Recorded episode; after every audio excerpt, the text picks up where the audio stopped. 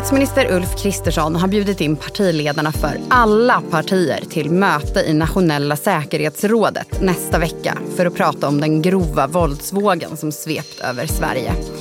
Är det nu som det breda samarbetet för att lösa den grova kriminaliteten börjar? Eller kommer våldsvågen att tvinga fram ett tydligare oppositionsalternativ till Tidöpartierna?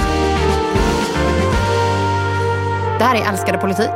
Idag om gängvåldet. Finns det någon opposition i frågan?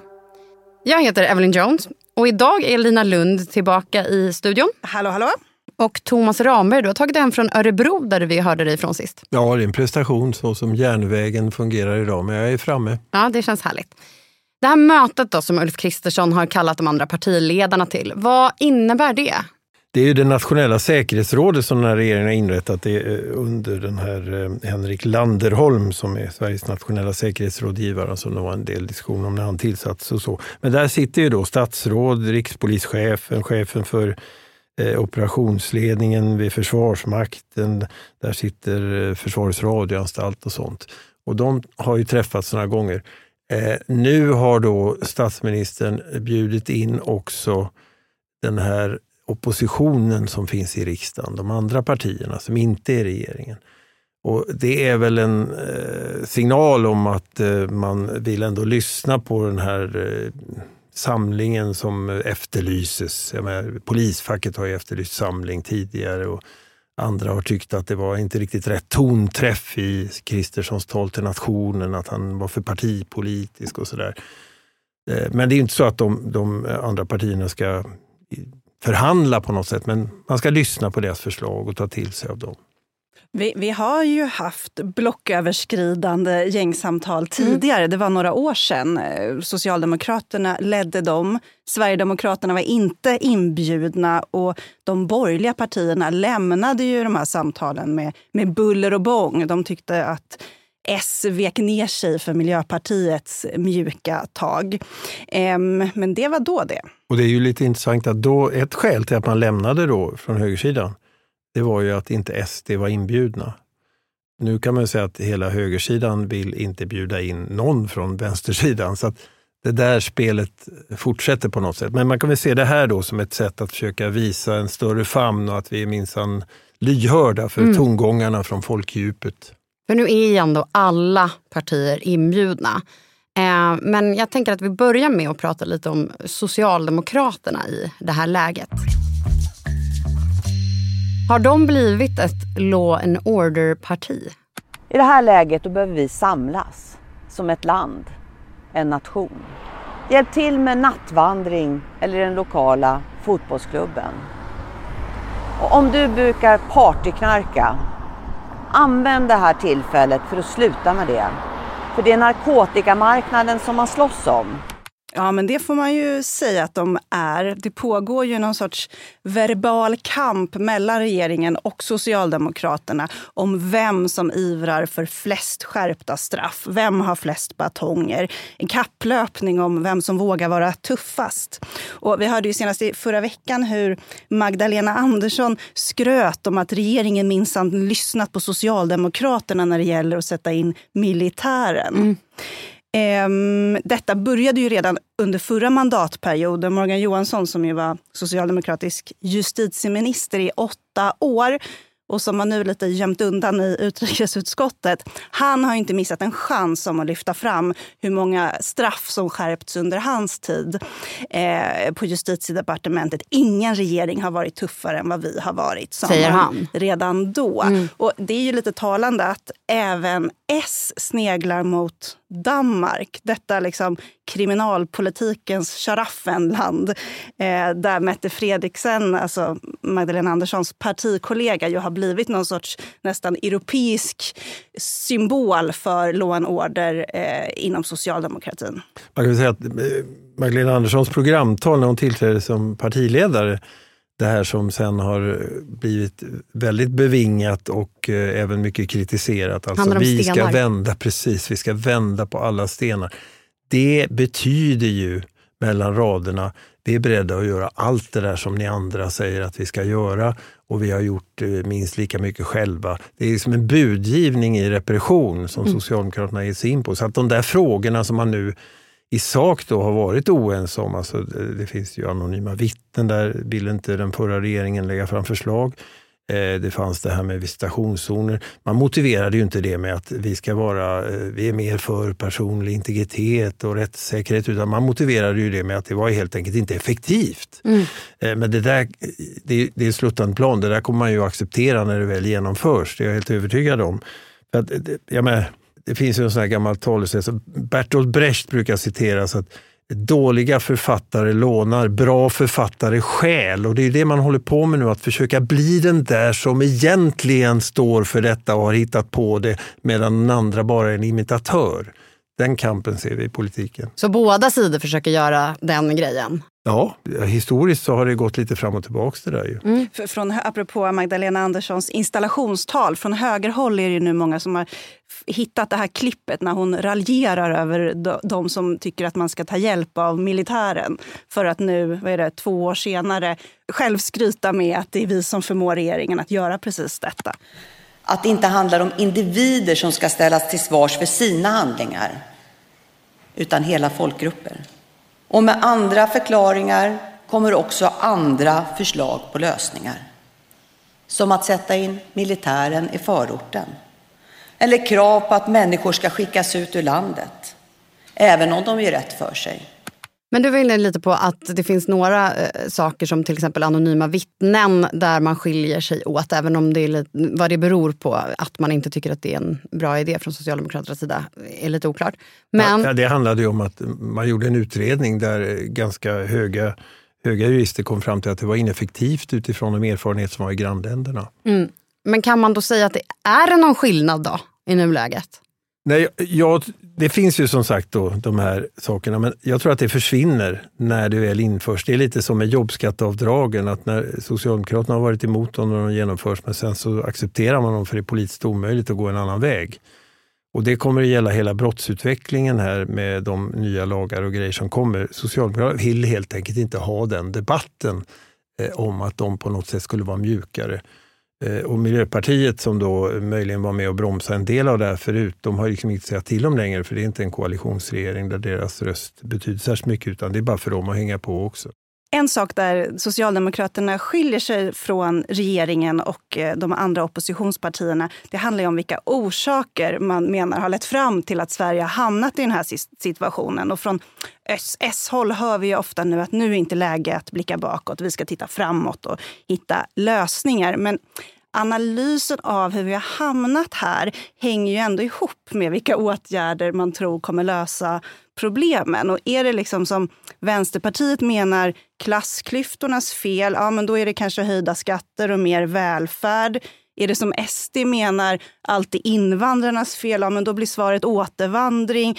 Och är det som S menar segregationen eller det som man nu har pumpat ut kanske som ett huvudbudskap, partyknarkarna mm. som ska skärpa sig, ja då hamnar man i andra lösningar. Jag tycker det är intressant att Socialdemokraterna har pratat så mycket om partyknarkandet på senaste tiden. Mm. Och varför gör man det då?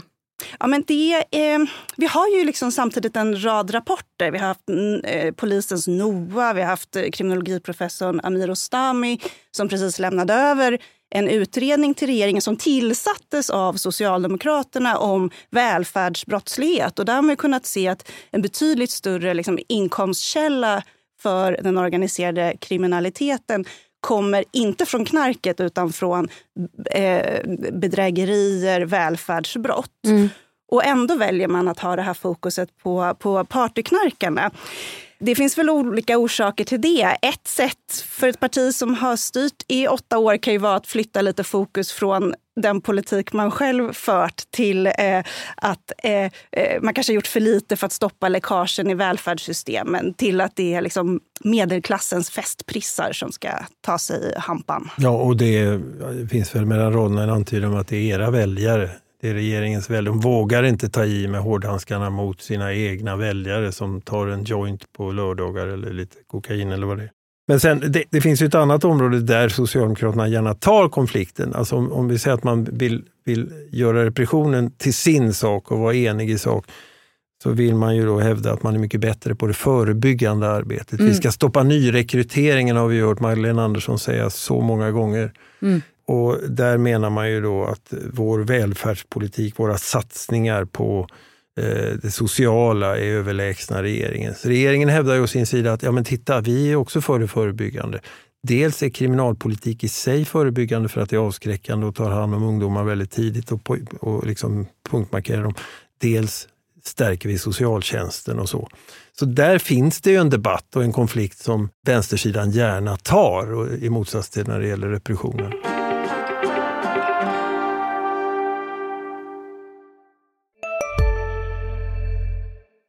Vi är specialister på det vi gör, precis som du. Därför försäkrar vi på Swedea bara småföretag, som ditt. För oss är små företag alltid större än stora och vår företagsförsäkring anpassar sig helt efter firmans förutsättningar. Gå in på swedea.se företag och jämför själv. Alltså äter du i duschen? Nej, det gör jag verkligen inte. Men alla gör ju det nu. Duschsnacks, Frans. Vilka är alla? Ja, men alla på TikTok och bloggar och allt möjligt. Så det är, de har en tallrik i duschen och så är det lite så här oliver och ostbågar typ. Nej men gud, tapas. Där drar jag gränsen. Jag, jag kan sträcka mig till duschöl. Men annars så får man torka sig innan man hugger in på godsakerna. Ja, men lyssna på Nära vänner, en podd med mig Fanny och dig Frans med Expressen. Viktiga nyheter. Om vi backar tillbaka lite då till det här med eh, Socialdemokraterna som ett eh, law and order-parti. Eh, jag intervjuade justitieminister tidigare, Thomas Bodström, socialdemokrat. Han var eh, justitieminister fram till 2006. Eh, och det var ju under en period när våldet började öka. Han menade då i den här intervjun att han eh, kallades för Stasi då på grund av sina, eh, vad, vad, han ville göra. Men, och så fick han ju också kritik internt från Socialdemokraterna. Eh, och åtgärder som han då föreslog var till exempel hemlig telefonavlyssning och preventiva tvångsmedel. Men var det då på den tiden liksom en annan melodi i Socialdemokraterna? Alltså det Bodström lite ofrivilligt här beskriver, det är ju ett rollskifte. På den tiden var det ju då socialdemokratin som såg som eh, maktpartiet som inte brydde sig om rättssäkerhet och integritet, som rullade ut eh, till exempel det här med buggning, alltså att man kan avlyssna ett rum eh, som här eh, utan att alla i rummet är medvetna om det eller skyldiga till någonting överhuvudtaget utan bara råkar vara på plats. och sen inte, ja. Eh, det, det där de som höll emot det var ju inte bara vänsterfolk, det var ju liberaler, det var eh, miljöengagerade och så vidare. Centern la till exempel krokben för det där i riksdagen. Mm. Alltså, Maud Olofsson som var centerledare så att eh, Människor ska inte behöva känna att jag kan riskera att bli buggad. Jag kanske inte ens får reda på det. Jag får inget skadestånd. Det är ett samhälle som vi inte vill ha. Men en av de stora svenska rättsskandalerna, alltså när man avvisar två egyptier till tortyr i Egypten med hjälp av CIA, den sker ju under en socialdemokratisk regering med Göran Persson som statsminister, Anna Lind som ansvarig statsråd, Thomas Bodström fanns där också. Eh, den där ledde till stor internationell kritik. Vi fick kritik från FNs tortyrkommission.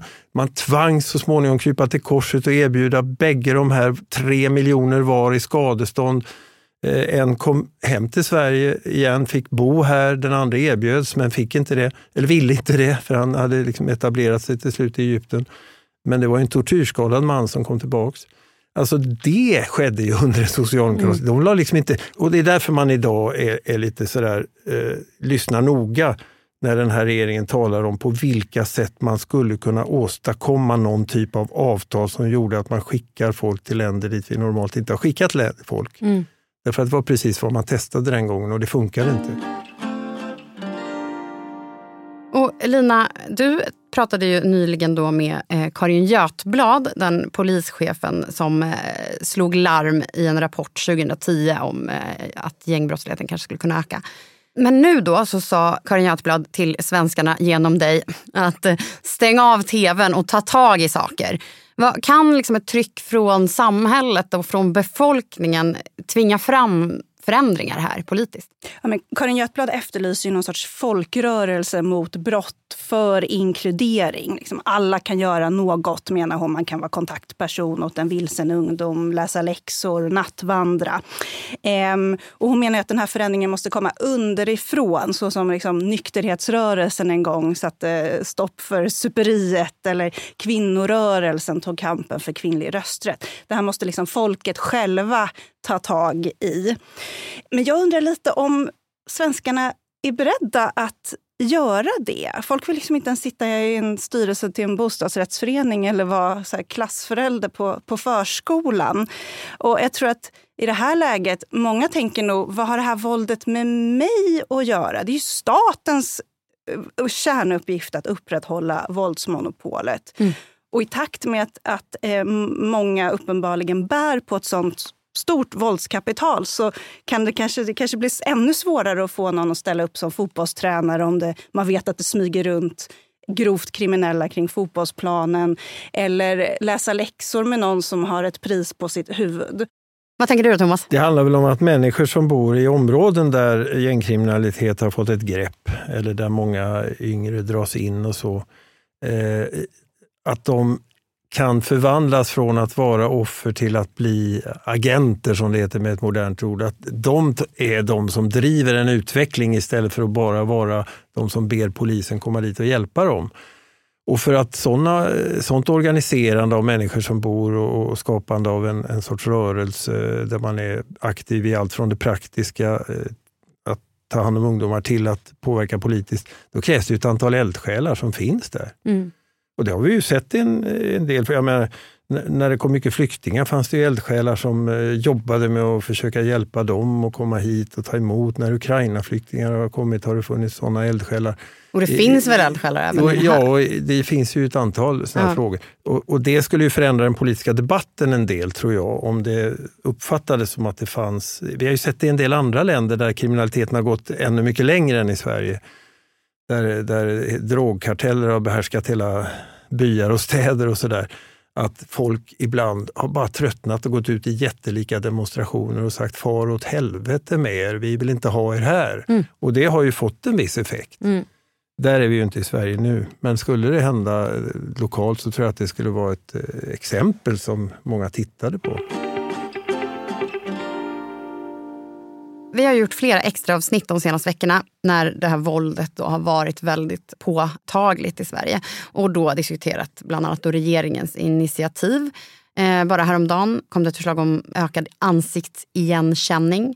Det har pratats om ungdomsfängelser, sänkt straffmyndighetsålder Häromdagen infördes en ny lag om preventiv avlyssning. Ja, det där var väl ett exempel på något som den förra socialdemokratiskt ledda regeringen eh, var överens med den nuvarande om. Det sattes igång redan tidigare och så. Så det är ett gammalt förslag liksom, som blir verklighet? Ja, men det blir verklighet nu i mm. helgen som gick och eh, nu eh, har vi ju kommit dit hän då, apropå och det finns för skillnader, att det är egentligen bara är Vänsterpartiet som inte gillar det där. Mm. Så att det, det är väl ett, illustrerar väl hela situationen kan man säga i kriminalpolitiken i den repressiva delen.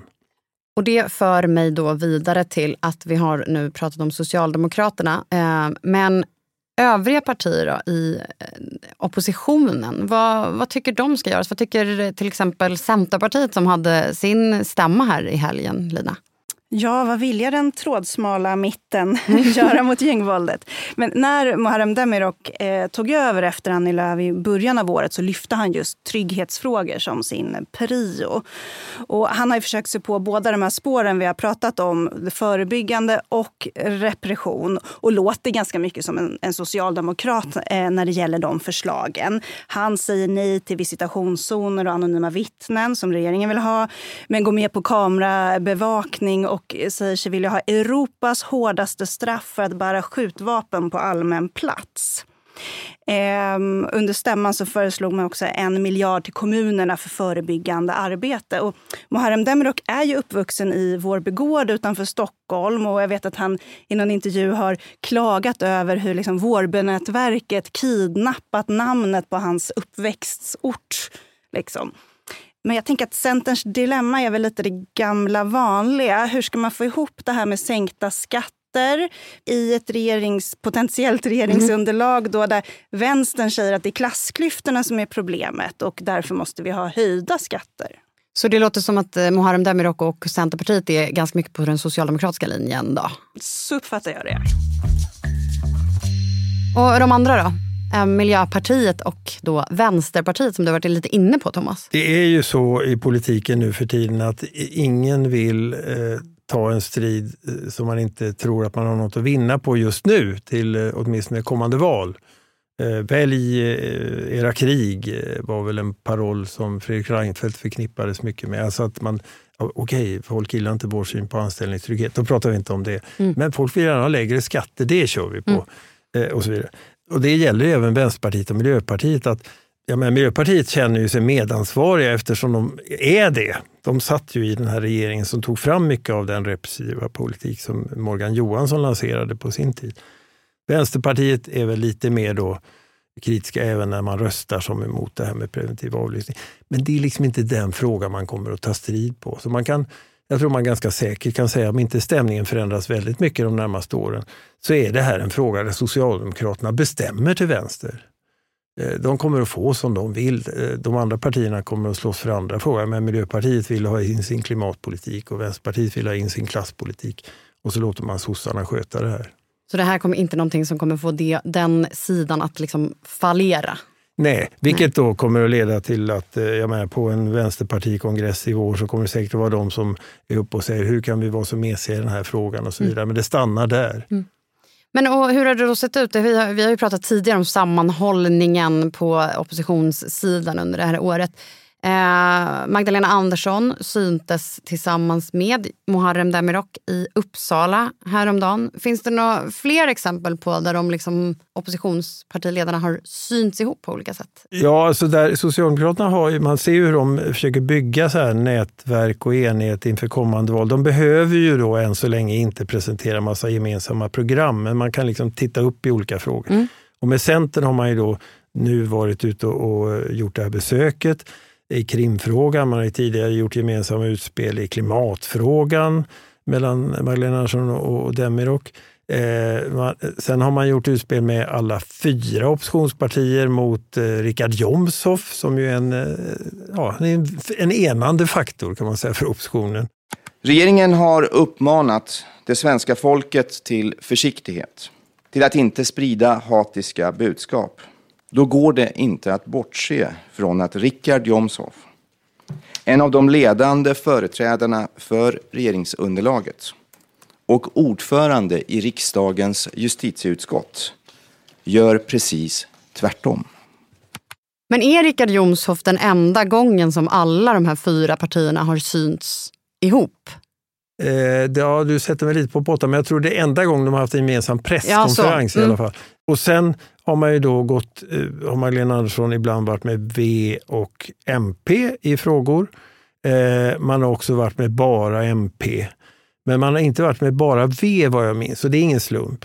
Mm. Magdalena Andersson känner inget behov av att odla bilden av att det är S och V som ska ta över Sverige efter nästa val. Den kommer motståndarna att göra sitt bästa för att odla i alla fall.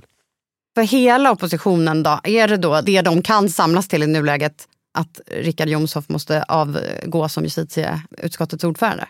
Ja, men hittills har ju det motståndet mot Sverigedemokraterna och varningarna för hur det här partiet undergräver demokratin, det har ju varit det sammanhållande kittet i, i, i, för oppositionspartierna. Och precis som Thomas sa, eh, enda gången man kallat till gemensam presskonferens var det här försöket att avsätta Jomshof mm. från eh, justitie och utskottsordförandeposten. Men man ska komma ihåg att det, även om de inte står bredvid varandra alla fyra idag och säger vi är överens om exakt alla de här kriminal så tror jag att det är så att den politiska dynamiken kommer att dra in V i eh, att okej, okay, vi ger oss för de frågorna, vi driver andra frågor. Så i realiteten, i den politiska dynamiken, så finns det ju en enighet i just den här frågan centerstämman som var nu förra helgen i Örebro, den eh, löste ju några problem när det gäller Magdalena Anderssons kommande samarbete med Centern. Man närmade sig varann i skolvinstfrågan, man närmar sig varann i energifrågan. Mm. Så att det där är ju ett plan som, om man så vill, går uppåt eller sluttar beroende på vilken sida i politiken man står. Okej, Thomas. Skulle den här frågan kunna bli en sån som liksom svetsar samman en tydligare opposition? Den, nej, den svetsar inte samman oppositionen. Nej. Eh, däremot är den, den, den kan vara, eh, om man nu ska tänka i, i rena liksom, politiska vinst och speltermer, så kan den ju vara en tillgång för oppositionen mitt i allt det här blodiga allvaret som är på marken. Om det är så att den här regeringen, som är vald huvudsak på att lösa det här problemet, inte klarar det. Mm. Det är ju därför som Ulf Kristersson är oroad, därför han vill hålla ett, ett tal till nationen och försöka övertyga folk om att jag vet vad jag gör och vi ska vinna det här.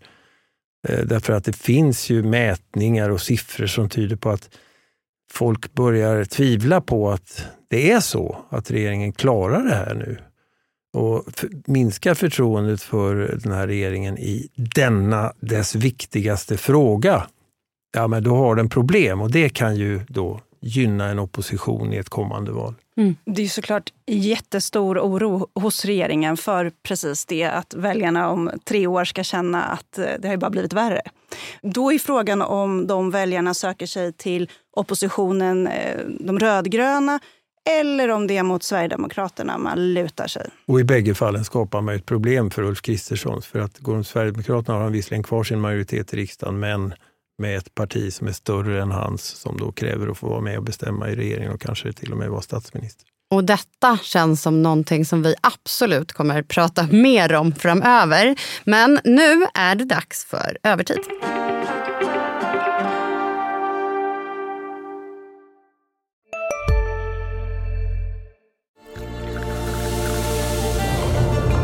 Välkommen till Maccafé på utvalda McDonalds restauranger med Baristakaffe till rimligt pris. Vad sägs om en latte eller cappuccino för bara 35 kronor? Alltid gjorda av våra utbildade baristor. Hej, Synoptik här. Hos oss får du hjälp med att ta hand om din ögonhälsa. Med vår synundersökning kan vi upptäcka både synförändringar och tecken på vanliga ögonsjukdomar. Boka tid på synoptik.se. Och då ska vi prata lite om det här ordet som har, det har pratats mycket om under de senaste veckorna. Ordet är blame game. Du har använt dig av det, Thomas. Ja, och det ångrar jag för jag fick klagomål på att jag ägnar mig åt svengelska istället för att prata svenska. Det gillar jag. Ja, jag hade ju nyss snappat upp det själv. Jag är ju inte så inne på de här moderna ungdomliga Men vad begreppen. betyder det då? Vet du det? Nej, men det, det är ju att man eh, säger, eh, ja men det är inte jag som är dum, det är han som är dum för att han säger att jag är dum och så vidare. Eh, och det har ju då en del eh, utmålat det som att det är det som pågår i politiken här nu. Istället för att sätta sig ner och ta itu med det här så skyller man på varandra. Det var ert fel, det var ni som började, nej det var du. Eh, och, och Magdalena Andersson har ju till och med gjort det Eh, ett, ett sorts meta-blame game kan man säga genom att säga att eh, ni är dumma för att ni inte vill sitta och prata med oss och sluta med blame game. Så ni håller på med blame, ja, man, man blamear varandra för att man blamear. Va? Nu blamear jag dig för att du blamear. Ja. men men i, i, det finns ju en allvarlig sida av det här. Det är, eh, politiken handlar ju om att gå till val, debattera, ha olika politiska alternativ. Så att det är ju väldigt legitimt att, eh, vare sig man är i regering eller opposition, beskriva skillnaderna mellan hur man vill ta sig an och lösa ett samhällsproblem. Den rena sortens populism är ju den som säger Politikerna bara bråkar och käbblar men de bryr sig inte om de verkliga problemen för oss vanliga människor. Avsätt dem allihop och se till att de inte får något betalt för nu kommer vi, det verkliga folkets representanter, och vi ska ha enighet under en ledare som kan lösa allt utan käbbel. Alltså det är ju den ytterligheten av att säga nej till blame game. Ja. Eh, och någonstans däremellan tror jag att många människor idag kanske känner att politiken borde hamna. Låt oss enas där vi är eniga, men diskutera det där vi inte är eniga. Lina, vad, tänker, vad säger du då? Blame game i politiken, bu eller bä? Ja, men jag säger bu då, för att jag tror det kan uppstå en rätt stor trötthet hos eh, åskådarna, lyssnarna, tittarna som tar del av de här pingpongandet fram och tillbaka om vems eh, fel det är och vems förslag som är usla. Det är en politik i ganska total avsaknad av visioner mm. nu. Det är här och nu släcka bränder, lösa akuta problem givet den situation som Sverige befinner sig i, det är kanske inte så konstigt, men det hade varit på sin plats med någon längre tanke framåt. Och vi ska tänka många längre tankar framöver. Eh, men vem ska vi skylla på för det här avsnittet? Thomas. Det är Thomas. Jag Bra. tar på mig alltihop. Ja, då blev det inget blame game, det var ju skönt. Fast ni är dummast. Eh, tack så mycket för att du lyssnade. Tack Lina och tack Thomas. Tack. Tack så mycket. Och vi är tillbaka om en vecka på onsdag. Glöm inte att prenumerera på Älskade politik så missar du inga nya avsnitt. Producent för dagens avsnitt var Viktor Aldén. Tekniker var Patrik Miesenberger. Klippning och musik gjordes av Patricio Samuelsson. Klippen kommer från SVT och Socialdemokraternas sociala medier. Och ansvarig utgivare för dagens nyheter är Peter Wolodarski.